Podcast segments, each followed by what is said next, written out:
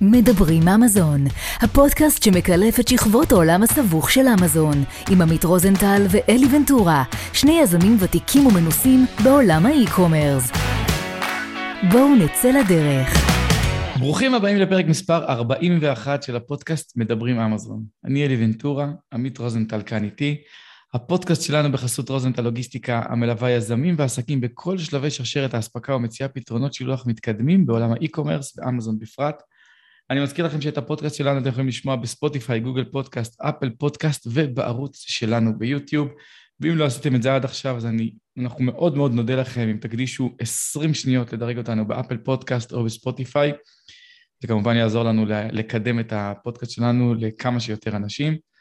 אני מצטער על הקול שלי שלא חזר עדיין מהמזג האוויר המדברי שהייתי שבוע שעבר בווגאס, בפרוספר. אבל הוא לאט לאט מיום ליום חוזר, אה, חוזר לעצמו. מה קורה, עמית? אתה היית בווגאס, אלי, אז אה, אני בסדר, מה, איך היה? בשתי מילים? אני חייב לומר שאחרי שנתיים שלא היה נראה לי פרוספר אה, פרונטלי, עשו את זה באמת ברמה מאוד מאוד גבוהה. פרוספר, למי שלא יודע, זה התערוכה הכי גדולה לסלרים אמזונים בשנה.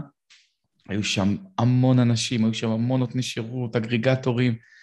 נראה שהעולם הזה חי ובועט ופשוט התפוצץ פה בשנתיים האחרונות אה, בחסות הקורונה, והמון המון כלים חדשים, המון אייג'נסיס חדשים, המון כסף שנכנס לתחום, סופר מסקרן.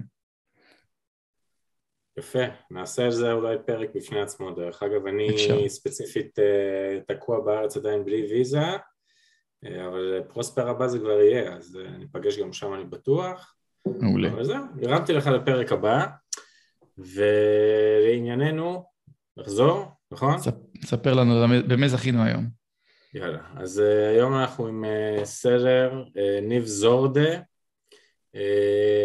אני מכיר את ניב קצת ממקומות כאלה ואחרים, אבל מכיר אותו טוב. Uh, לא מזמן uh, מימש את העסק, אז אני בטוח שאחד הוא שמח ושתיים יש לו הרבה מה לספר לנו. אה, ניב, וולקאם, מה המצב? בסדר גמור, חבר'ה, תודה, תודה, כיף להיות איתכם פה, וכל הכבוד לכם על, ה... על המיזם הזה, זה מדהים, באמת, כל הכבוד. אנחנו בסך הכל נהנים. לקח זמן לשכנע אותך, ניב, בוא נגיד את האמת, כן? מה? לא, לקח זמן לשכנע אותך, בוא נגיד לא, את האמת. הייתי פשוט עסוק, אבית, אתה יודע, זה... כן. אבל אה, עכשיו, אה, אחרי שמימשתי, אז אה, ככה יש לי קצת זמן, אז, אבל בכיף, אני באמת, כמה, מה שאפשר לתרום, ככה באמת, זה, ולעזור לאנשים קצת להכיר יותר ולהבין, ולשמוע את הסיפורים, זה, אני חושב שזה מבורך, וזה מדהים. לפני כמה זמן מכרת? לפני חודש בדיוק. וואו, איזה יופי, טרי טרי.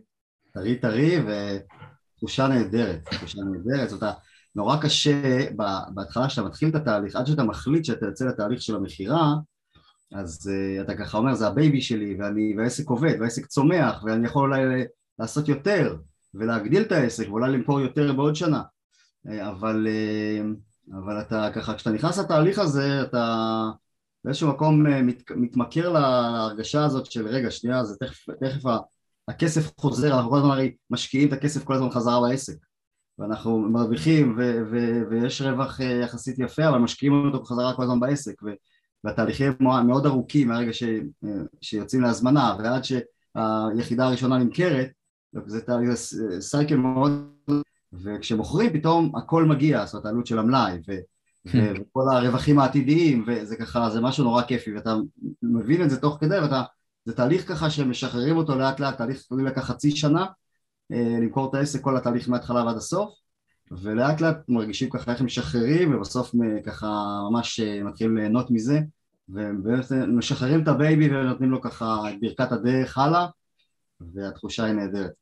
אני חייב לשאול שאלה אחת כאילו ודווקא בדרך כלל אנחנו כאילו יש לנו מבנה לפודקאסט די קבוע אבל זה כאילו הרמת פה איזה משהו אז אני אשאל בוא תאר רגע באמת את התחושה שחתמת כאילו על עסקה, אתה יודע שנכנס לך whatever, נכנס לך חשבון בנק, אבל זה במספרים לא קטנים, רק על התחושה, כאילו, על ההישגיות, על ה... אתה יודע, להגיד בואנה, וואו, איך עשיתי את זה, כאילו, תן, איך, איך התחושה כאילו באותו רגע?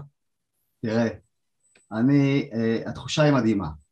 אנחנו, העסק הזה הוא בעצם שותפות שלי ושל אחי ועוד אימא של, של אשתו שהיא גרמניה. אנחנו בעצם, העסק שלנו הוא גם בארצות הברית וגם באירופה, בכל אירופה וגם גם קנדה, אבל השותפים בעצם, השותפות שלי עם אחי ועם אימא של אשתו זה, זה באירופה. מה שעשינו ביום, ש, ביום שחתמנו, אנחנו ככה דיברנו, קיבלנו את זה ב... בדוקוסיין, ואז דיברנו בטלפון, ואז כל אחד שם את השיר שהוא הכי אוהב, וככה חתמנו אה, ככה עם, ה, עם השיר ברקע, וזה היה פשוט ח...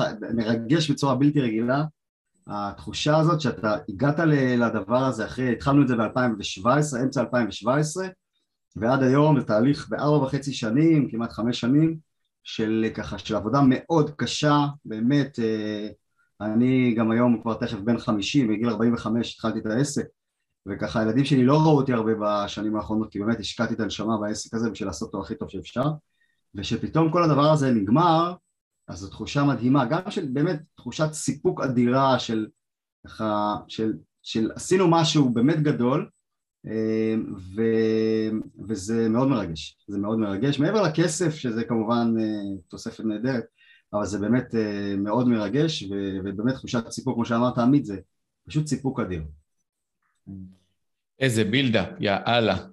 כן. אה, אה, אז עכשיו שראינו את הסוף, זה כמו בסרט, כן, בסרטים, שאומרים שלוש וחצי שנים לפני. זה יותר טוב, אלי, זה יותר טוב מכל פרסומת לאיזה קורס דיגיטלי באמזון, לא? פשוט לתת את הפתיח הזה וזה זה נגמר. כן, כן. יאללה, אז בוא קח אותנו ארבע שנים אחורה, ככה איזה ארבעה, חמישה עד חודשים, חצי שנה לפני שאתה נכנס לאמזון. אתה לא צעיר, אתה כבר חשפת, לא אני. אתה חשפת? חשפתי, אני לא מתבייש. מה אתה עושה? כן, אני לא יודע מה עדיף, אצלך או את השיער הלבן שלי. אה, מה אתה עושה באותה תקופה, ומה גורם לך בעצם להיכנס לעולם הזה של אמזון?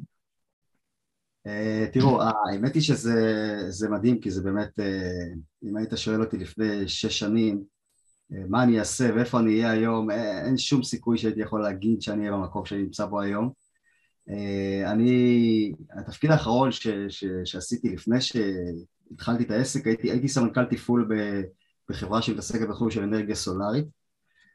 אני בא מהעולמות של תעשייה וניהול וכלכלה, למדתי תואר שני בייעוץ ארגוני, במהלך השנים עבדתי בכמה חברות, עבדתי כשכיר אה, הרבה שנים, הייתי בחברת אורנג' והייתי בחברת בטר פלייס בהקמה והייתי בחברות אה, בתפקידים אה, כאלה ואחרים בחברות כשכיר, באיזשהו שלב יצאתי ועסקתי בייעוץ ארגוני כעצמאי תקופה מסוימת והתפקיד האחרון היה באמת כסמנכ"ל תפעול בתחום של אנרגיה סולארית ובאיזשהו שלב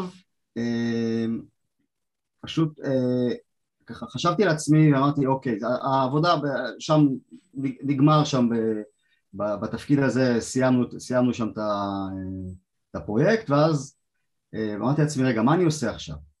באיזה גיל זה היה? 45, 45 אמרתי אוקיי עכשיו אני מחפש עוד פעם אה, איזשהו תפקיד ניהולי אה, וככה מתברג עוד פעם כשכיר בתפקיד ניהולי או שאני ככה מתחיל לחשוב על מה אני עושה עם עצמי הלאה ואולי אני אעשה לעצמי ככה ובאמת אני אפתח משהו. לא חשבתי בכלל על הכיוון הזה של האונליין. אה, פגישה עם חבר, אה, חבר, של, חבר טוב של אחי פגישה על שפת הכנרת אי שם בקיבוץ עין גב. ישבנו שם בערב ככה ערב נעים באוגוסט והתחלנו לדבר ופתאום ככה הוא הגיע. הוא חבר טוב של, של אחי הגיע והתחלנו לדבר וככה הוא סיפר מה הוא עושה, הוא אמר שהוא עובד כבר כמה שנים באמזון. והתחלנו לדבר וככה שאלנו והתעניינו. והוא סיפר מה הוא עושה וכמה הוא מרוויח ו... ופתאום משהו נדלק שם, זאת אומרת משהו נדלק אבל לא נתתי לעצמי יותר מדי ככה לחשוב על זה אבל ככה זה משהו שככה ישב לי ככה באחורה של הראש. ובדרך חזרה אחי אמר לי תשמע זה הדבר שאתה צריך לעשות ו... ופשוט ישב עליי באמת, ואני אמרתי, אוקיי, בוא נראה, אני לא יודע, זה לא תחום שלי בכלל, לא, לא בא מהעולמות האלה, אני לא מכיר את זה בכלל, ללמוד בעולם חדש לגמרי. והוא אמר לי, תשמע, זה בדיוק בשבילך. אה, זה, זה כל היכולות שלך יכולות להתכנס לתוך הדבר הזה, ואתה יכול לעשות את זה מעולה. ואז ככה לקחתי עוד כמה ימים וחשבתי על זה, ו, ופשוט אה, לאט לאט ככה חקרתי והבנתי ודיברתי איתו עוד עם הבחור, והבנתי שככה מה, מה זה כולל הדבר הזה ומה יש בתוך זה ומה הפוטנציאל של הדבר הזה ואז בהתחלה אמרתי טוב אני אתחיל אולי ככה במשרה חלקית ואני אעבוד ככה בעוד עבודה. ואני זוכר את השיחה המכוננת שהייתה לי עם אחי בעניין הזה, הוא אמר לי תשמע אם אתה הולך על זה, לך על זה עד הסוף, לך על זה בגדול לא חצי משרה, לא רבע למשרה, רב, לך על זה עד, הסוף ואני זוכר ממש את השיחה שהייתה לנו, ופשוט קיבלתי החלטה שאני אלך על זה עד הסוף ופשוט אה, התחלתי לעבוד בזה התחלתי פשוט ל- ללמוד ולדבר עם אנשים ול- ו- וככה להבין איך ה- מי השחקנים שם ואיך זה עובד הדבר הזה אה, גם החבר נתן לי איזשהו קורס שהוא קנה וככה התחלתי ללמוד את זה ומהר מאוד אה, לקחתי איזשהו מנטור אה, שליווה אותי ישראלי? מה? ישראלי? ישראלי, כן. אוקיי. ישראלי. ו... וככה התחלתי, עשיתי איתו פגישות והתחלתי לבדוק מה המוצרים האפשריים בתחום ופשוט, והגעתי באיזשהו שלב לנישה של אה, עולם הכלבים, mm-hmm. עולם החיות, והבנתי שזה תחום שהוא מאוד מתפתח, מאוד חזק, תחום מאוד תחרותי, אבל זה תחום שאפשר בהחלט אה, לפתח בו מוצרים אה, ש... ולתת שם איזשהו added value והתבייתתי על מספר מוצרים, בסופו של דבר החלטתי על מוצר אחד שאיתו אני רוצה להתקדם. דווקא המנטור אה, ככה חשב שהמוצר הזה יותר מדי תחרותי ושאולי אה, זה לא נכון להיכנס אליו אבל פשוט אני, אני, הייתה לי תחושה מאוד חזקה שהתחום הזה הוא תחום ש, שאפשר באמת אה, לעשות בו משהו חדש ומעניין. וזהו, פשוט התחלתי להיות בקשר עם ספקים, ספקים סינים, יצרתי קשר עם 12 ספקים, מפעלים, קיבלתי דוגמאות, הלכתי על זה ממש ככה מאוד מאוד יסודי, הלכתי לקחתי דוגמאות, קראתי אלפי חוות דעת אה, של אמריקאים ולקחתי, עשיתי ככה, אה, לקחתי את זה לאיזושהי אה, מתפרה ברמלה, זה מוצרים שגם מוצרים, מוצרים שקשורים לטקסטיל, אז איזושהי מתפרה, בניתי איזושהי פרוטוטייפ, עשיתי אה, קבוצות מיקוד, עשיתי קבוצות מיקוד עם, עם בעלי כלבים, עם, הלכתי למאלפים בשבתות וישבתי שם ודיברתי עם בעלי כלבים, נתתי להם דוגמאות שהתנסו, חזרו אליי עם פידבקים שלחתי, לה, שלחתי למפעלים, קיבלתי אה, איזשהו פרוטוטייפ חזרה, עשיתי שדרוגים, זאת אומרת המון תהליך מאוד ארוך עד שהתכנסתי בסוף לשלושה, אה, שלושה מפעלים, אה, קיבלתי גם מחירים וראיתי מה החומרים והלכתי פשוט על המפעל הכי יקר שהיה. זאת אומרת לא הלכתי, הלכתי בכוונה על המפעל הכי יקר עם החומרים הכי טובים ו- ואני אמר, ידעתי שאני הולך לעולם הפרימיום, זאת אומרת אני ידעתי שבעולם שלי, בעולם, בעולם הזה, בעולם של הכלבים, יש שם mass market אבל יש גם פרימיום. ואם אני אלך לנישה של הפרימיום ואני אפתח באמת מוצר שאין אותו, שיש שם דברים, פיצ'רים שאין אותם ואני אעשה את זה כפרימיום, אני אוכל בהחלט אה, לזרוח בעולם הזה ופשוט ניצבתי את עצמי ממש אפילו פי שתיים ממחירים של המתחרים ופשוט הלכתי לנישה של פרימיום וזה... שאלה. כן. יש לך כלב? היום כן. היום. אז לא היה לי. אז לא היה לך כלב. הלכת, נכנסת לתחום שאתה לא מכיר אותו, ישבת בגינות כלבים והתחלת לאכול את הראש לאנשים, נכון. כדי להבין מי נגד מי ומה נגד מה, וגם החלטת לעשות משהו שהוא לדעתי מאוד מאוד מסוכן במוצר ראשון, ללכת על מוצרים שהם פרימיום. זאת אומרת, לא ללכת על מחיר השוק, אלא להגיד, אני מוכר בראש במוצרים יקרים יותר. נכון. כמה כסף השקעת בהתחלה? אה, השקעתי, השקעתי משהו כמו 350 אה, אלף שקל.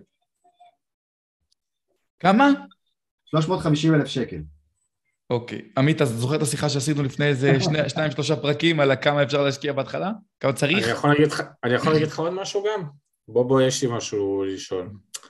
היות ואני הרגיש פה בינינו, כן, אה, אז אני אשאל, אני אשאל את זה ככה ואני אוסיף את מה, ש, מה שאתה הולך לשאול. ניב, כאילו, אני, אני יודע שיש לך ארבעה ילדים, בסדר?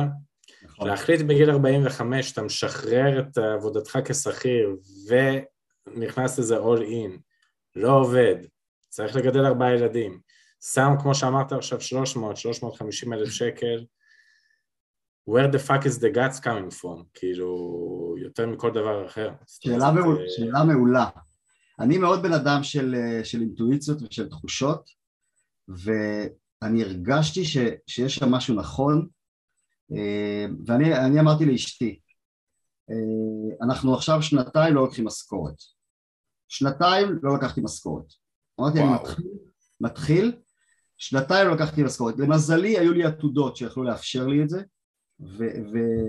ואיזשהן הכנסות ש, שיכולו לאפשר לי את הדבר הזה, זה לא, לא כל אחד יכול, אולי גם בגלל שהגעתי בגיל יותר מבוגר, אה, אבל אה, הבנתי שאני צריך ללכת עד הסוף על הדבר הזה בשביל להצליח. אני דיברתי עם הרבה מאוד אנשים שלא הצליחו, אנשים שככה נכנסו לזה ככה בחצי רגל, והבנתי שבשביל להצליח בדבר הזה צריך ללכת ממש עד הסוף. ואני ממש דיברתי עם אשתי ומזל שבאמת יש לי, הייתה לי את התמיכה שלה מההתחלה בעניין הזה, ארבעה ילדים ובגילאים אה, קטנים, זאת אומרת צעירים, אה, הגדול בן 13, זאת אומרת אנחנו ממש זה באמת ארבעה ילדים וזה זה, לא סתם אני אומר שלא ראו אותי כמה שנים, זה היה בהחלט uh, אינטנסיבי. Uh, זאת אחת הסיבות, גם עוד, עוד אחת מהסיבות של בסוף למכור ולהמשיך הלאה. אבל, uh, אבל עמית, השאלה שלך היא נכונה, זה משהו שפשוט הרגשתי אותו מבפנים, פשוט הלכתי עם מה שאני מרגיש, מה שאני מאמין, והרגשתי שיש לי פה משהו טוב שאני יכול לעשות. Uh, ומשם זה מגיע. אבל... אה, עכשיו, אבל... את ההשקעה הראשונית אנחנו מדברים על מוצר אחד, או כן. שזה וריאציות. זה מוצר אחד, בהתחלה זה היה מוצר אחד, אבל מהר מאוד כבר נכנסו גם וריאציות בצבעים. אוקיי. אמ, וגם אחרי זה בגדלים. מדהים. אה. אז, אז בוא נתקדם מפה. לקחת את ה... עשית מחקר שוק מאוד מעמיק, 12 ספקים, prototype, גינות כלבים, הבאת את המוצר, מייצר אותו במפעל שהוא יחסית יקר, יצור רגיל, שילוח בים או באוויר, מגיע המוצר לאמזון, מה עכשיו? קודם כל, לפני שהגיע המוצר לאמזון, השילוח הראשון שלי היה עם, עם אה, משלחת סינית. בבקשה. שאחרי זה עמית החליף אותה, עמית החליף אותה, שמחתי מאוד שעמית הגיע, כי עמית החליף אותה ונתן לי באמת שירות מדהים, ועד היום אנחנו חברים uh, טובים, uh, ו...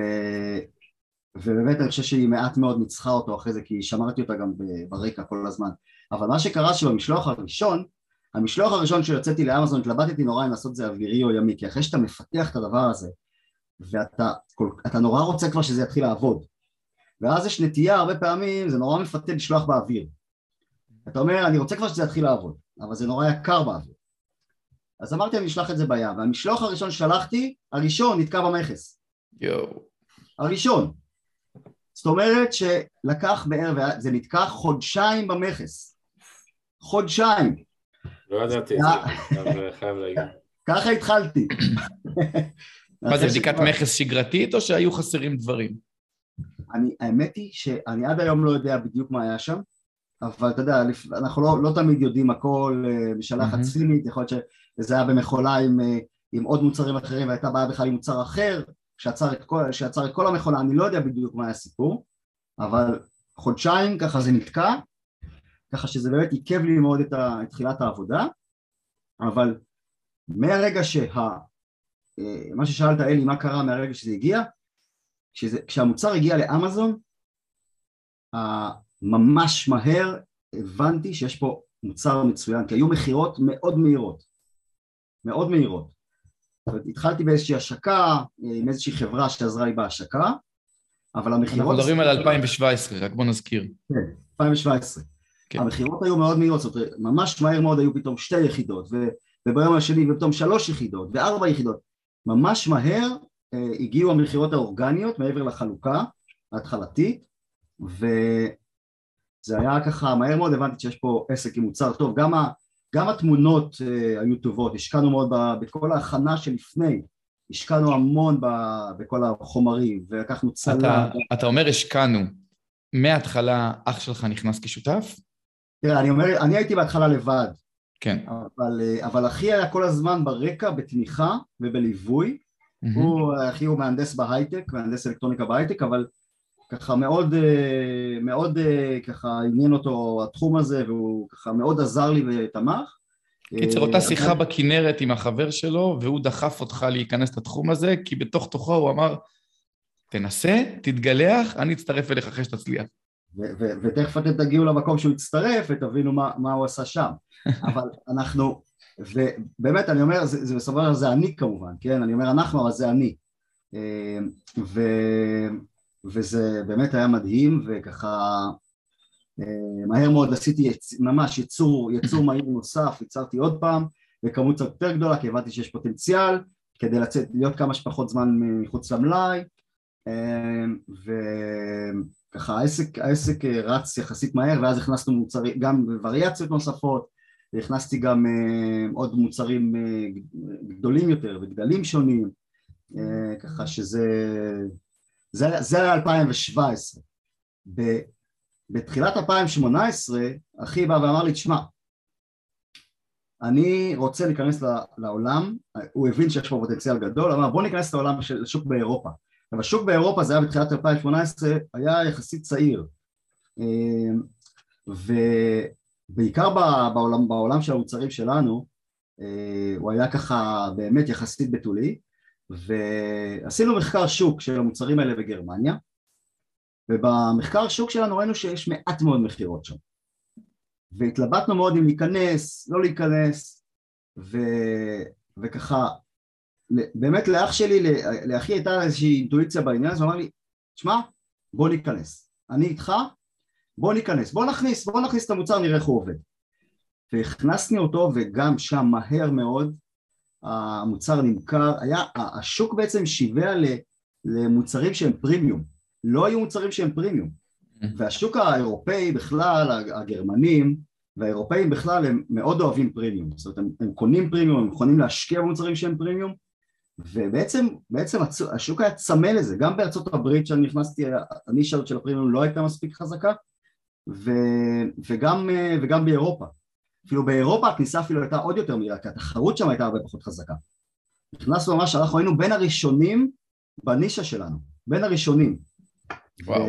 מהר מאוד צברנו reviews, וממש היום המוצר הזה יש לו הכי הרבה reviews מכל, ה, מכל המתחרים אה, באירופה, ומהר מאוד הבנו שיש שם שוק חזק מאוד, והכנסנו את המוצרים האחרים, והגדלנו שם את הפעילות, אה, ובעצם אה, אחי ואימא שלי וחמותו הם ניהלו את הפעילות באירופה. או, עכשיו, עכשיו זה סיפור מעניין.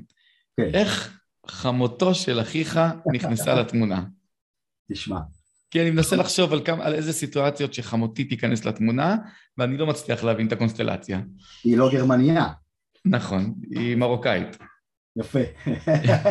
אז... דבר יפה, אלי, דבר יפה. דבר דבר, סליחה, אני מקווה שהיא לא מקשיבה. מינה, אנחנו בסדר. נשמע, אה, אנחנו רצינו להיכנס לגרמניה אה, עם חנות גרמנית. הבנו שהגרמנים אוהבים, אוהבים גרמנים, מאוד אוהבים גרמנים. ואנחנו, אה, ו, והכי, ואנחנו ככה, במשפחה יש לנו ככה קשר, קשר לעולם הזה. עכשיו מבחינת הקשר המשפחתי. ואנחנו אמרנו אוקיי אנחנו אה, נעשה, אה, נעשה את החנות על, על, על אה, פרונט גרמני. ופשוט ככה היא נכנסה, נכנסה לתמונה. והיא נכנסה בעולמות של שירות לקוחות, בעולם של שירות לקוחות, mm. פחות בפיתוח של המוצרים, פחות בעולמות האלה, אה, יותר בשירות, אה, לתת את התמיכה בשירות וכל זה, היא לא עסקה, לא עסקה בפיתוח של המוצרים, לא בכלום, לא, לא בעולמות האלה ניב, לי יש איזו שאלה קטנה, עוד גם כן מקודם, ששמרתי לעצמי. אה, ציינת גם שאני ואלי פשוט יש לנו את הדיון הזה כל הזמן, אה, do what you do best and source the rest, אלי? ככה זה Outsource, outsource the rest. outsource the rest. אז אתה אומר שנגיד בהתחלה עשית ליווי אישי, אחר כך אתה אומר שלקחת עזרה בהשקה, נראה לי אמרת. כן. אה, ובצד שלישי כאילו אתה אומר שעשית את הכל יאני, ואני גם יודע את זה באופן אישי שעשית המון דברים, כאילו אתה עשית אותם. ידיים, מה שנקרא. נכון. דבר רגע על... אה, מתי הרגשת שאתה צריך לקחת מישהו, במה זה נתן לך, והאם אתה ממליץ את זה נגיד סוחרים מתחילים או לא מתחילים בכלל לעשות את הדברים האלה בצורה כזאת? תראו, בהתחלה, אני, שיטת העבודה שלי היא כזאת שאני מאוד מעורב בפרטים, אני מאוד ככה, בכל הפרטים אני מעורב, אבל יש דברים שאני מבין שאני פחות אה, טוב, פחות חזק בהם ואני נעזר באנשים אחרים, בסדר? כמו אה, כל העולם של הצילום, פיתוח, פוטושופ, כל הדברים האלה, כמובן שאני לא עושה את הדברים האלה לבד, כי אני לא מבין בזה. אה, אבל אני תמיד בוחר את האנשים בקפידה, קודם כל אנשים שאני מתחבר אליהם באופן אישי, ובית אנשים שהם מקצ... מקצוענים והם יורדים לפרטים ברמה שאני. זה מאוד חשוב לי לעבוד עם אנשים כאלה. ו... ובגלל שאני מאוד מאוד בפרטים, היה לי מאוד קשה לקחת נגיד אה, VAs אה, תחתיי, כי הרגשתי שאני חייב לעשות את השירות לקוחות בעצמי, כי אני אה, ככה חייב שזה יהיה הכי טוב שיכול להיות.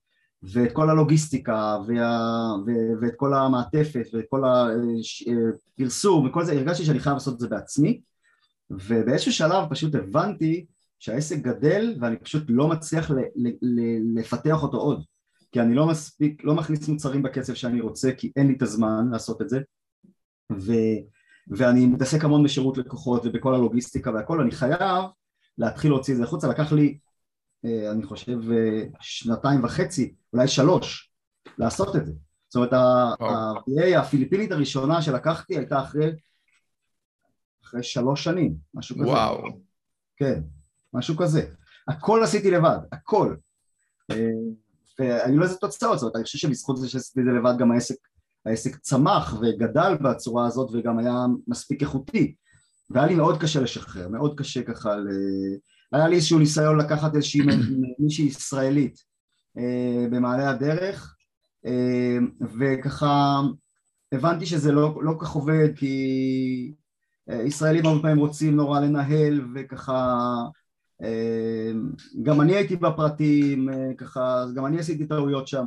בקיצור, זה, זה פחות, פחות עבד, ו, ואז שלקחתי את הפיליפינית הראשונה שעשתה את השירות לקוחות, ככה הבנתי שזה מצוין, וזה הוריד ממני את העומס, ואז לקחתי גם עוד פיליפינית שעשתה את כל הנושא של לוגיסטיקה, כל העבודה מול, אה, מול, מול סין, אה, עבודה מול עמית, מול ככה לקבל הצעות מחיר, למשלוחים, לנהל את כל המשלוחים, לתפעל את כל הדבר הזה מול המחסנים בארצות הברית אה, וזה גם כן הוריד ממני הרבה מאוד עומס, אבל זה היה ממש לאחרונה, ממש. ממש אני חושב חצי שנה לפני שמכרתי, אה, לקחתי את הפיליפינית השנייה, שעשתה את כל הלוגיסטיקה. עד אז אני עשיתי הכל, ממש הכל. תגיד, בתחום הפץ, אה, אני יודע שיש, אני לא מכיר ספציפית את המוצר שלך ואת המוצרים שלך, אבל יש הרבה מוצרים של, יש הרבה אה, אני אקרא לזה לויאליות של לקוחות. לקוחות חוזרים שמכירים מותגים שהם אהבו, על אחת כמה וכמה בעולם הפרימיום. נכון. אה, בשלב מסוים חשבתם לפתוח חנות שהיא לא אמזון, חנות שופיפיי, כדי לייצר קשר עם הקהל יותר? יפה. מה שעשינו באיזשהו שלב, פתחנו, אה, אני הבנתי שאני צריך לפזר, מה שנקרא, לא לשים את כל הביצים בסל אחד, אני חושב שדיברתי הרבה עם עמית על זה, והבנתי שאני חייב לפתח ערוצים אחרים. Mm-hmm. כי התלות באמזון היא אמנם אה, זה סוג של, זה סוג של כלוב של זהב אבל זה כלוב, זאת אומרת אתה, אתה בסק... יש, יש סיכון ב, בעניין הזה והבנתי שאני חייב לפזר, חייב להגדיל את, ה, את האפשרויות המכירה שלי ואת הערוצים ואז פתחתי ערוץ שופיפיי mm-hmm. לקחתי מישהו שעשה לי את כל, ה, את כל העבודה, את כל הפיתוח אה, ופיתחתי ערוץ שופיפיי שעבד מאוד מאוד יפה, מאוד חזק אה, עד היום, עד היום הוא עובד, הוא, הוא, משהו, הוא משהו כמו, השופיפיי הוא משהו כמו אה, בין עשרה לחמישה עשר אחוז מהמחזור. יפה. שזה, שזה ערוץ מאוד חזק. אה, הזרמנו לשם תנועה ולקחתי מישהו שעושה את זה כמובן. ובאיזשהו שלב פתחתי אתה, גם... אתה, אתה אומר כמובן, אבל שלוש שנים לא לקחת פיליפינית. אז נכון. למה פה זה כמובן? למה פה כבר הבאת מישהו? כי פה הרגשתי שאני חייב לעשות את זה, כי אני לא מבין מספיק בעולמות של הפרסום, של, של, של הקידום, של הזרמת תנועה, של לפתח, אה, לפתח חנות, זה, זה עולם שהוא ממש זר לי. הבנתי. אה, אני לא מכיר אותו בכלל, אז אה, שם לקחתי. ובאיזשהו שלב פתחנו גם חנות, פתחתי גם חנות וולמארט, בנוסף כמובן לאירופה, שזה עוד פיזור, זה עוד, עוד, עוד, זה בעצם הרעיון היה להוריד רגליים. ואז לקחתי גם את, גם פתחתי חנות וולמארט על, החברה, על חברה אמריקאית, ש, ש, LLC אמריקאי והדבר האחרון שעשיתי שהוא היה ממש שובר השוויון ואני חושב שהוא תרם לי מאוד מאוד במכירה בסופו של דבר זה פתחתי את הערוץ, יש ערוץ חזק מאוד בעולם הכלבים בארצות הברית שנקרא chewy.com זה חנות האי-קומרס הגדולה ביותר בעולם. יפה. ואני הצלחתי להיכנס לשם אחרי משהו כמו חצי שנה שישבתי עליהם ו... ובהתחלה הם הזמינו אותי. Okay. אוקיי. אבל הם הזמינו אותי, אבל אז לא הייתי מספיק בשל לזה ונתתי אה, לאיזשהו אה, אה, חברת צד ג' שתנסה להכניס אותי לשם והם לא הצליחו ואז אה, בעצם אני הבנתי שאני צריך לעשות את זה לבד ופשוט חזרתי אליהם ולקח לי משהו כמו חצי שנה של לחץ מאוד גדול כדי שיסכימו לבדוק בכלל את הפוטנציאל של ה brand הזה mm-hmm. וברגע שהצלחתי להגיע, עברתי אני חושב איזה שלושה או ארבעה והבנתי את הפוטנציאל של הדבר הזה, פשוט לא הרפיתי מהדבר הזה ברגע שהצלחתי בסוף להיכנס דרך איזשהו, איזשהו אחד הנציגים שלהם שאמר אוקיי בוא בוא נבדוק את זה והוא מהר מאוד חזר ואמר אוקיי בוא נתקדם זאת אומרת הוא הבין את הפוטנציאל, הוא ראה את אמזון אה, והוא הבין את, ה, את, ה, את, ה, את מה שיש פה, את הפוטנציאל, כי הוא ראה שזה מותגי מוצרי פרימיום. ו, ו... ומה זה מתקדם? אתה בעצם מוכר להם סחורה או שזה drop? זה סוג של drop, אבל בעצם מה שקורה זה שהם מעלים את המוצרים שלי לאתר שלהם, בסדר? ועל כל, אה, בעצם יש, עשינו איזשהו הסכם שעל כל אה, מכירה, בסדר? כל, יש לי מחיר שאותו אני מקבל לכל יחידה. הבנתי. בסדר? והם מוכרים אותו, הם מוכרים אותו במחיר... בכמה שהם רוצים. כמה שהם רוצים, כמובן שזה לא בדיוק כמה שהם רוצים כי אני מקפיד שזה יהיה במחירים של אמזון. כן, אבל אתה לא יכול להכריח אותם, אין איזה חוק כזה. לא יכול להכריח אותם, אבל... אני לא יכול להכריח אותם, אבל אנחנו, אני, הם, הם סך הכל באמת בסדר, זאת אומרת, הם, הם עשו את זה ממש בסדר. הם היו ממש הוגנים, ואנחנו סגרנו על מחיר, ואני לכל יחידה שנמכרת, אני מקבל, מקבל את החלק שלי. וזה הפך להיות ערוץ מדהים, אני בעצם התחלתי למכור בו באוקטובר 21 והגעתי ב, בתוך uh, חודש ל-30% מאמזון. וואו. שזה מטורף. ובתהליך המכירה אני חושב שזה היה שובר השוויון ומה שאפשר לקונים, הקונים הבינו שיש פה פוטנציאל מאוד גדול של צמיחה שהם הולכים לקבל את הצמיחה הזאת כי אני בעצם מכרתי, אני בעצם המכירה הייתה עכשיו לפני חודש ובעצם הם, אה, ארבעה חודשים אני מכרתי בצ'וי והם מקבלים את כל, הם בעצם קיבלו כניסה לצ'וי, מה שמאוד קשה להיכנס לצ'וי, בטח. הם קיבלו כניסה VIP לצ'וי והם מקבלים עכשיו את כל הדבר הזה. זאת אומרת אני הבנתי, ואני חושב שזה לקח, זה ככה איזשהו לקח מאוד חשוב uh, לאנשים ש, שמוכרים באי-קומרס, תנסו לזהות איפה אתם יכולים להיכנס, איפה העולמות החזקים של המוצרים שלכם ותפעילו את כל, את כל האנרגיות שלכם לעולם הזה, אל תתפסו רק לאמזון, תגידו אוקיי, אמזון נמכר, נמכר טוב, נשאר שם כי הכל יכול לקרות. תבואו ותפתחו ערוצים אחרים, תורידו עוד רגליים ותבינו איפה אתם צריכים להשקיע את האנרגיות שלכם בשביל להביא את ה... להקפיץ את עצמכם, וצ'וי זה היה שובר השוויון. הקונים הבינו את זה.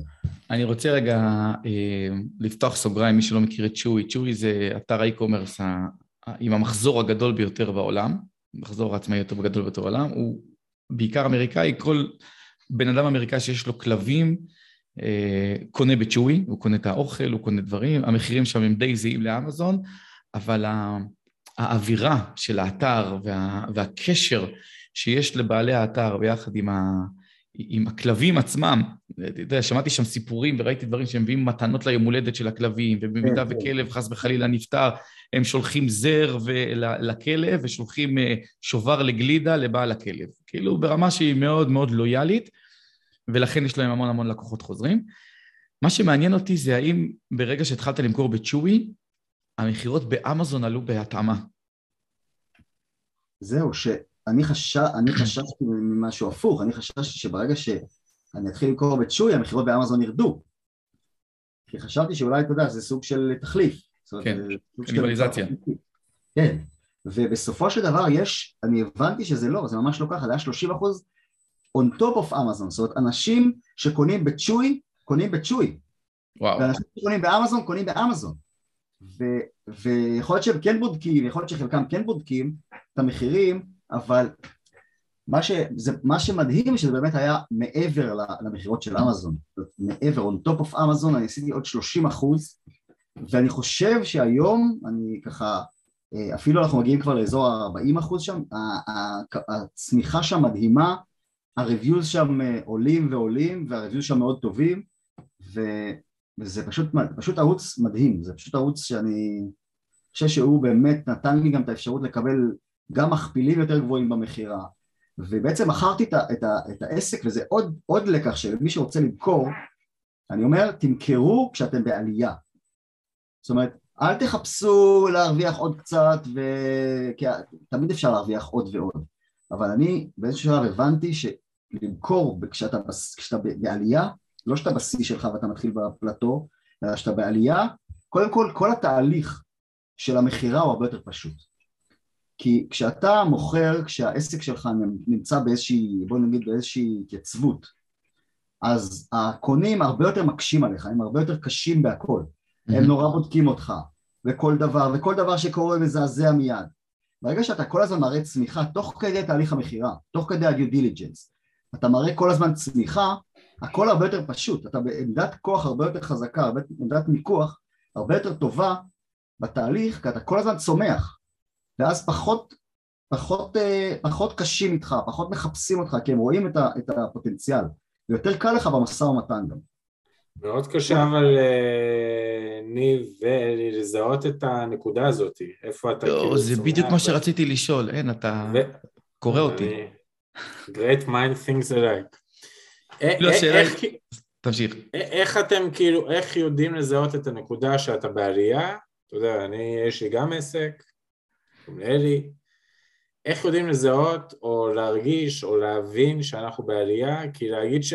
להבין שאנחנו בסטגנציה כולנו יודעים, אבל איך אנחנו יודעים להגיד שאנחנו בעלייה ומתי תהיה הסטגנציה? זו שאלה שאני בעצמי לא יודע לנתח אותה כאילו. כן, כאילו אני, אני חושב שלעלייה אפשר לראות, זאת אומרת המספרים מדברים, אתה רואה שאתה בעלייה.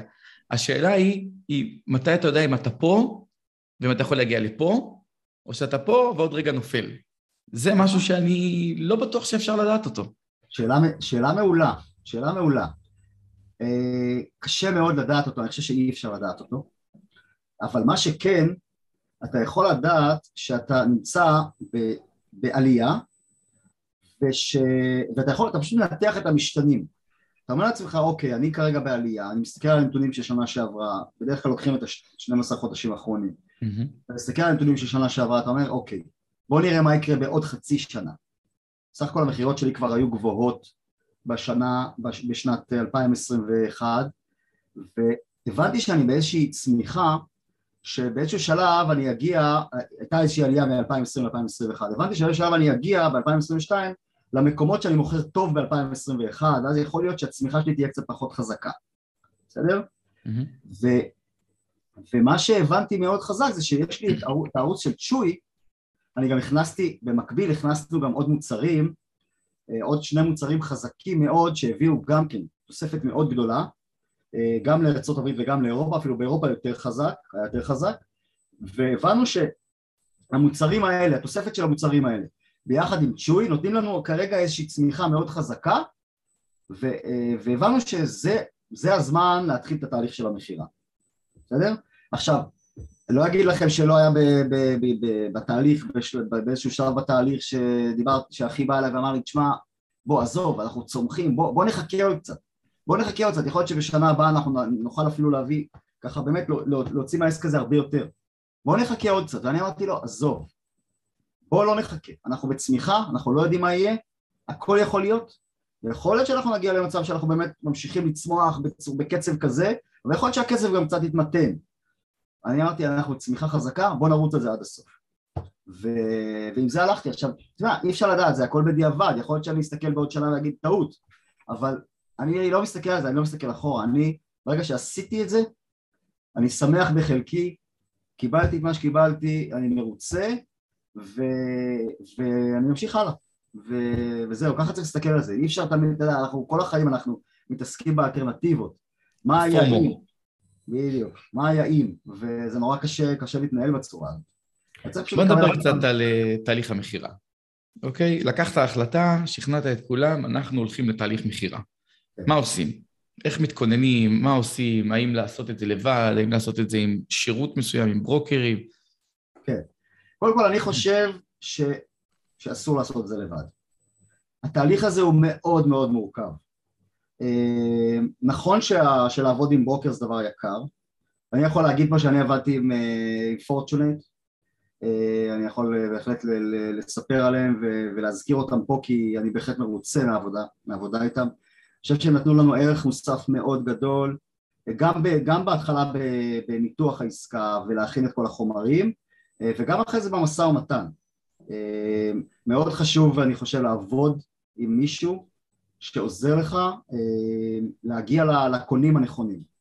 אני חושב שאם אנחנו היינו עושים את זה לבד היינו מתבחבשים מאוד והיה לנו ככה מאוד קשה להגיע לקונים הנכונים ויכול להיות שלא היינו יודעים את כל מה שאנחנו אה, יודעים היום שבעצם פורצ'ונט מתוך הניסיון שלהם עזרו לנו להבין אה, ולכן אני חושב שצריך לעשות את זה באיזשהו ליווי אה, ובסופו של דבר הרעיון שעושים בשיטה של סוג של מכרז כזה שפונים לקונים פוטנציאליים ובסופו של דבר כל אחד מציע את ההצעה שלו אז זה הרבה יותר קל מאשר שאתה עובד עם מישהו לבד והוא יכול, אה, בעצם קשה נורא להרים את, ה, את התמורה כי, כי אתה עובד עם מישהו לבד ברגע שאתה עושה איזשהו סוג של מכרז אז תמיד אתה יכול לעשות את המכירות בין שני, בין שני גורמים או שלושה גורמים או ארבעה גורמים ומשם להמשיך. זאת אומרת, אנחנו קיבלנו חמש הצעות ומתוך זה היה לנו מה לשחק. אז מה, ש, מה שקורה בהתחלה שאתה מתחיל בעצם בתהליך של איזושהי הערכת שווי שעושה לך אה, או איזשהו בנק השקעות, או אצלנו זה היה פורצ'ונט אה, שעשו לנו את זה, אה, ואז בעצם יוצאים לאיזשהו מכרז שבעצם שולחים את, הנתונים ומקבלים תגובות, תגובות מקונים פוטנציאליים. ואז בעצם... ומתחילים שיחות ובלאגנים. ואז מקיימים שיחות, אנחנו קיימנו 12 שיחות, משהו כזה, פוטנציאליים, ובסופו של דבר מתוך זה איזשהו משפך, בסופו של דבר אתה מקבל כמה הצעות. שהשאיפה לקבל כמה שיותר הצעות. אמ, ואז מתוך כל ההצעות האלה בעצם מתחילים תהליך של משא ומתן ובסופו של דבר מגיעים למשהו שאפשר אה, לחתום עליו ואז חותמים על, אה, על מה שנקרא LOI. letter of intent. בדיוק, letter of intent. וברגע שחותמים על ה-LOI מתחילים בעצם את שלב ה-due diligence, בדיקת הנאותות. שזה כיף אה, חיים. שזה כיף חיים. בדיקת הנאותות זה השלב שבו אה, הופכים לך את העסק אה, מכל הכיוונים, מנסים למצוא כל דבר אפשרי וזה בהחלט לגיטימי כי כשקונים עסק אז צריך לעשות את זה אה, ופה אני יכול להגיד שהקונה, שאני כמובן לא, לא אחשוף את אה, פרטיו אבל הקונה שאנחנו עבדנו איתו הוא היה באמת אה, ענייני, כמובן בדק אותנו וכמובן ככה שאל את השאלות אבל אבל היה באמת ענייני וזה היה תהליך מאוד אה, יחס, יחסית היה נוח. אה, אני חושב שגם אנחנו שיתפנו מאוד פעולה ושיתפנו במידע מההתחלה גם במוצרים אה, פוטנציאליים ככה שאנחנו לא פיתחנו ואנחנו חושבים שאפשר לפתח אותם. נתנו להם את הפרטים של הספקים שלנו מהר מאוד. אני חושב שהייתה פה איזושהי ככה אני חושב שהיה פה איזה שיתוף פעולה וככה הלכנו לקראתם, הם הלכו לקראתנו ובסופו של דבר זה היה הדדי וזה מאוד תרם לעסקה, אני חושב שזה גם דבר ש... שהוא חשוב כשאתה עושה, כשאתה עושה עסק, כשאתה עושה תהליך כזה שהוא תהליך של מכירה, צריך ליצור את האמון הזה ולנסות ללכת כמה שאפשר לקראת הצד השני, כמובן שאנחנו בתהליך של משא ומתן, אז במה שאפשר ללכת לקראת, אז אני חושב שזה כדאי. וזהו, בסופו של דבר, אחרי הרבה מאוד זמן הצלחנו להגיע בסוף ל... וככה גרסאות על גרסאות של הסכמים, הצלחנו בסוף להגיע לאיזשהו נוסח מוסכם כמובן שיש פשרות בדרך מכל מיני כיוונים אה, וזהו, התהליך בהחלט אה, ארוך ומייגע אבל הוא מאוד, הוא מרתק ככה מאוד מעניין, מאוד מלמד אה, אני חושב שהאקזיט הבא שאני אעשה אם אני אעשה אותו אז... רגע, עוד מעט נדבר על השלב הבא. אני הרבה יותר חכם. אתם גם הולכים לקבל earn-out ים? כן. או stability בהמשך? כן, גם stability, אנחנו מקווים מאוד, לפי איך שהעסק צומח, אז אני מעריך שאנחנו נקבל, אה, וגם earn-out, כמובן גם earn-out, גם מלאי, את כל המלאי, אה, אז ככה זה, זה משהו ככה בהחלט, אני חושב שגם, ה, אני חושב שגם בסופו של דבר, השילוב הזה של כמה רגליים, עסק צומח, שיש לו כמה רגליים, גם שופיפיי, גם וולמארט, גם צ'וי בארצות הברית, יש לו גם, אה, גם את אה, גרמניה שהוא, שזה רגל חזקה מאוד אה, וגם הקמנו שופיפיי בגרמניה לאחרונה. אני חושב שזה עסק שבעצם הקונים הוא עסק שמאוד מעניין, מעניין קונים. כי הוא באמת יש לו כמה רגליים, זה בעצם מקטינים את הסיכון כשקונים עסק שיש לו כמה רגליים ו, וגם כשזה עסק צומח אז זה בהחלט דבר שהוא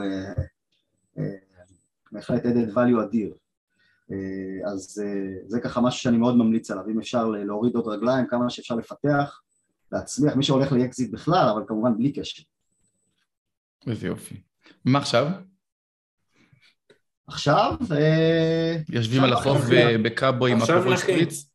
עכשיו נחים, קופצים עם הילדים בטרמפולינה קצת, בצהריים, ומשתדלים ככה לחשוב מה הלאה, מה, איך, איך איך מנהלים נכון את, ה, את הכסף ואיך, ומה עושים הלאה, יש כל מיני, כל מיני מחשבות ורעיונות, בהחלט מדגדג לעשות עוד משהו כזה, כשיש כבר את כל הידע והניסיון, מאוד מדגדג, אבל אני ככה אומר לעצמי שאם אני עושה משהו כזה עוד פעם, אז אני אבוא אליו במקום קצת אחר, זאת אומרת, אני, אני אתחיל אותו לא כ-one man show, אלא, אלא לקחת צוות שעובד איתי מההתחלה, ולעשות את זה בצורה הזאת.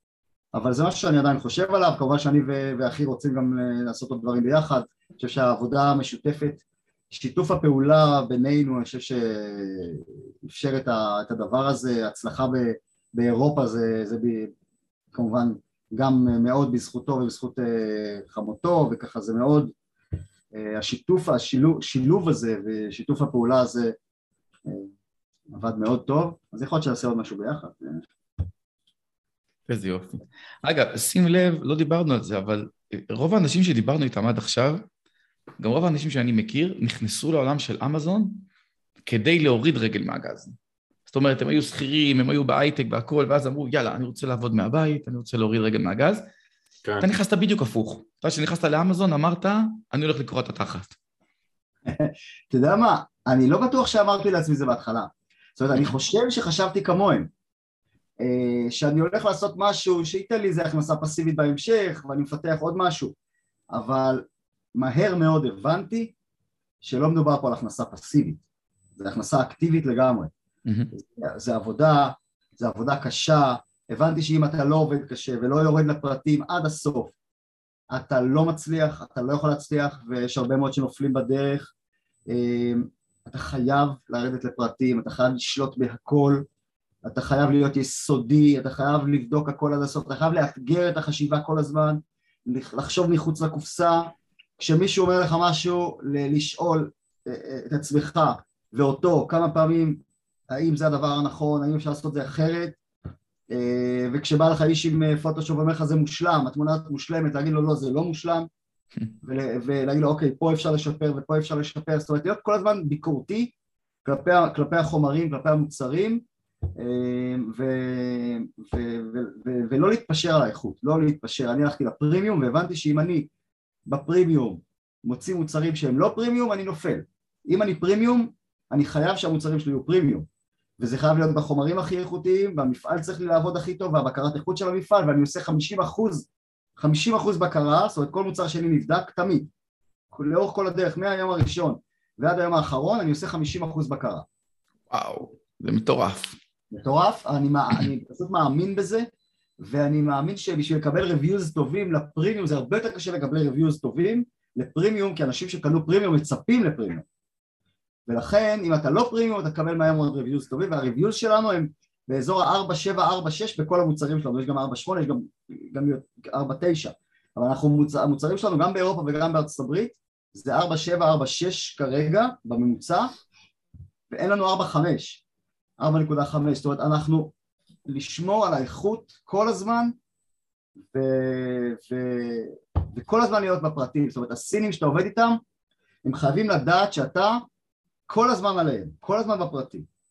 ואם יש uh, משלוח שיש בו uh, אחוז uh, פגומים גבוה מדי אז הם יעצרו את זה אפילו שוב, היו לי מקרים כאלה. שאמרתי להם חבר'ה עצרו הכל, אנחנו עכשיו עושים, תעשו את זה עוד פעם, תתקנו הכל, לא שולח את זה אפילו. זאת אומרת הם ידעו שאני לא מוותר ואני בפרטים עד הסוף. כי זה הסינים, חייבים לדעת את זה הסינים, כי ברגע שיש פרצה, אז הם מנצלים אותה. אפילו, שה, אפילו שהמפעל שאני עובד איתו, אה, האינטרסים שלנו סך הכל זהים, כי הם רוצים שהריוויוז באמזון יהיו טובים, כי הם מבינים שאני אמשיך לעבוד איתם, כי הריוויוז טובים, זאת אומרת אם הריוויוז יהיו גרועים, אז אני אפסיק לעבוד איתם ואני אחליף אותם. זאת אומרת הסינים היום מבינים את זה. זאת אומרת הסינים, הסינים הטובים, האלה שהסינים שעובדים נכון, מבינים את זה, ולכן האיכות כל כך חשובה להם, לחלק, אני אומר, למפעלים הטובים. אה, ואותם צריך למצוא, המפעלים האלה. המפעלים הטובים, ולשלם, ולשלם, עוד לקח זה לשלם יותר, אני מעדיף לשלם לסיני יותר מאשר פחות, כי אם אתה משלם לסיני פחות, זה איפשהו, הסיני לא יהיה חייב לך. זאת אומרת, אתה, זאת אומרת, אתה, אתה פשוט, אה, הסיני תמיד ידאג שהוא ירוויח, ואם אתה תשלם פחות אז אתה תקבל פחות. איפשהו האיכות תיפגם. תשלם יותר, קצת יותר, תקבל יותר. ככה זה עובד, זה, זה פשוט ככה. מעניין. כן. טוב, אנחנו ממש מתקרבים לסיום הפרק, יש לי את השאלה הקבועה, אה, וקשה לשאול אותה לבן אדם שעשה אקזיט לפני חודש, אבל אני אשאל אותה בכל מקרה. אה, אז אם היית זוכה בעשרה מיליון דולר, מחר, נטו, מה אתה עושה איתם? שאלה מצוינת. אני מניח שחשבת על זה כמה וכמה פעמים בחודשים האחרונים. כן, כן, בהחלט. אה, זאת שאלה שהיא היא, היא לכאורה תיאורטית. אה, ו... תראה, אני, אה, אני מאמין בלהמשיך להמשיך לעשות את הדברים שאני טוב בהם, שאני אוהב אותם, ליהנות מהדברים שאני עושה. כמובן אה, כל מה שקשור לעזרה ותמיכה ודברים כאלה, אני, אני תמיד, תמיד אוהב לעבוד עם אנשים ולעזור ולתמוך וכל מי שמתקשר אליי וצריך עזרה זה תמיד עוזר גם בלי לבקש, בלי לבקש אה, תמורה. ו, ו, ו, ולעשות אה, גם, גם לעצמי קצת, גם ליהנות וגם לטייל קצת וגם לעשות בשביל המשפחה. אה, וגם, וגם לפתח, אה, לפתח, את ה, לפתח עסק חדש, להמשיך לצמוח. באמזון? לעשות את הדברים שאני, שאני, שאני טוב וחזק בהם, אה, ולא, כמובן לא לשבת ולנוח עם הכסף, זה, לא, זה ממש לא, זאת אומרת לא לתת לכסף להישחק ולשבת ולנוח ולא לעשות איתו כלום, אלא לעשות איתו דברים, דברים טובים, אם זה בעזרה ותרומה ואם זה, ב, ואם זה ב, בלפתח את עצמך ואת העסק שלך קדימה. מדהים. אז אתה מקים עוד עסק באמזון? אה, אני עדיין בהתלבטות. עדיין יש לי כל מיני כיוונים, כל מיני כיוונים שאני חושב עליהם. אני מאוד אוהב גם את העולם הבין אישי, העולם של ייעוץ ארגוני וליווי אנשים, עשיתי את זה הרבה בעבר שלי. אה, עשיתי גם קואוצ'ינג, אה, ככה למדתי את זה ועסקתי בזה, וגם ייעוץ ארגוני וליווי, ואני מאוד אוהב את העבודה עם אנשים, את הליווי, לקחת מישהו ממקום אחד למקום שני. אני חושב שאני יכול לשלב את זה גם את הדבר הזה עם הניסיון שיש לי כרגע באמזון, מאמזון, e-commerce בכלל, לא רק באמזון. אז יכול להיות שאני אשלב גם את הדבר הזה בפנים. אה, אני חושב על זה עדיין, איך אני, איך אני, איך אני עושה את הכל ביחד. מדהים. וואו, ניב זורדה, תודה, תודה, תודה, תודה רבה על, ה... על הסיפור המדהים. באמת, אחד הסיפורים היפים ששמענו פה, ואחד המעוררי השראה. danke schön, איך שאומרים בגרמניה. danke schön. אני רוצה לאחל לך רק בהצלחה, ו... ותהנה, ותנוח, ומברוק, ויאללה, נשמע ממך רק דברים טובים בעתיד. תודה, תודה חבר'ה, תודה רבה לכם על הזמן שהקשבתם לי ועל הזמן שהקדשתם. תודה רבה. כן, תודה רבה. יאללה, שיהיה המשך ערב מהנה. תודה רבה. תודה, תודה. גם לכם. ביי ביי. ביי ביי.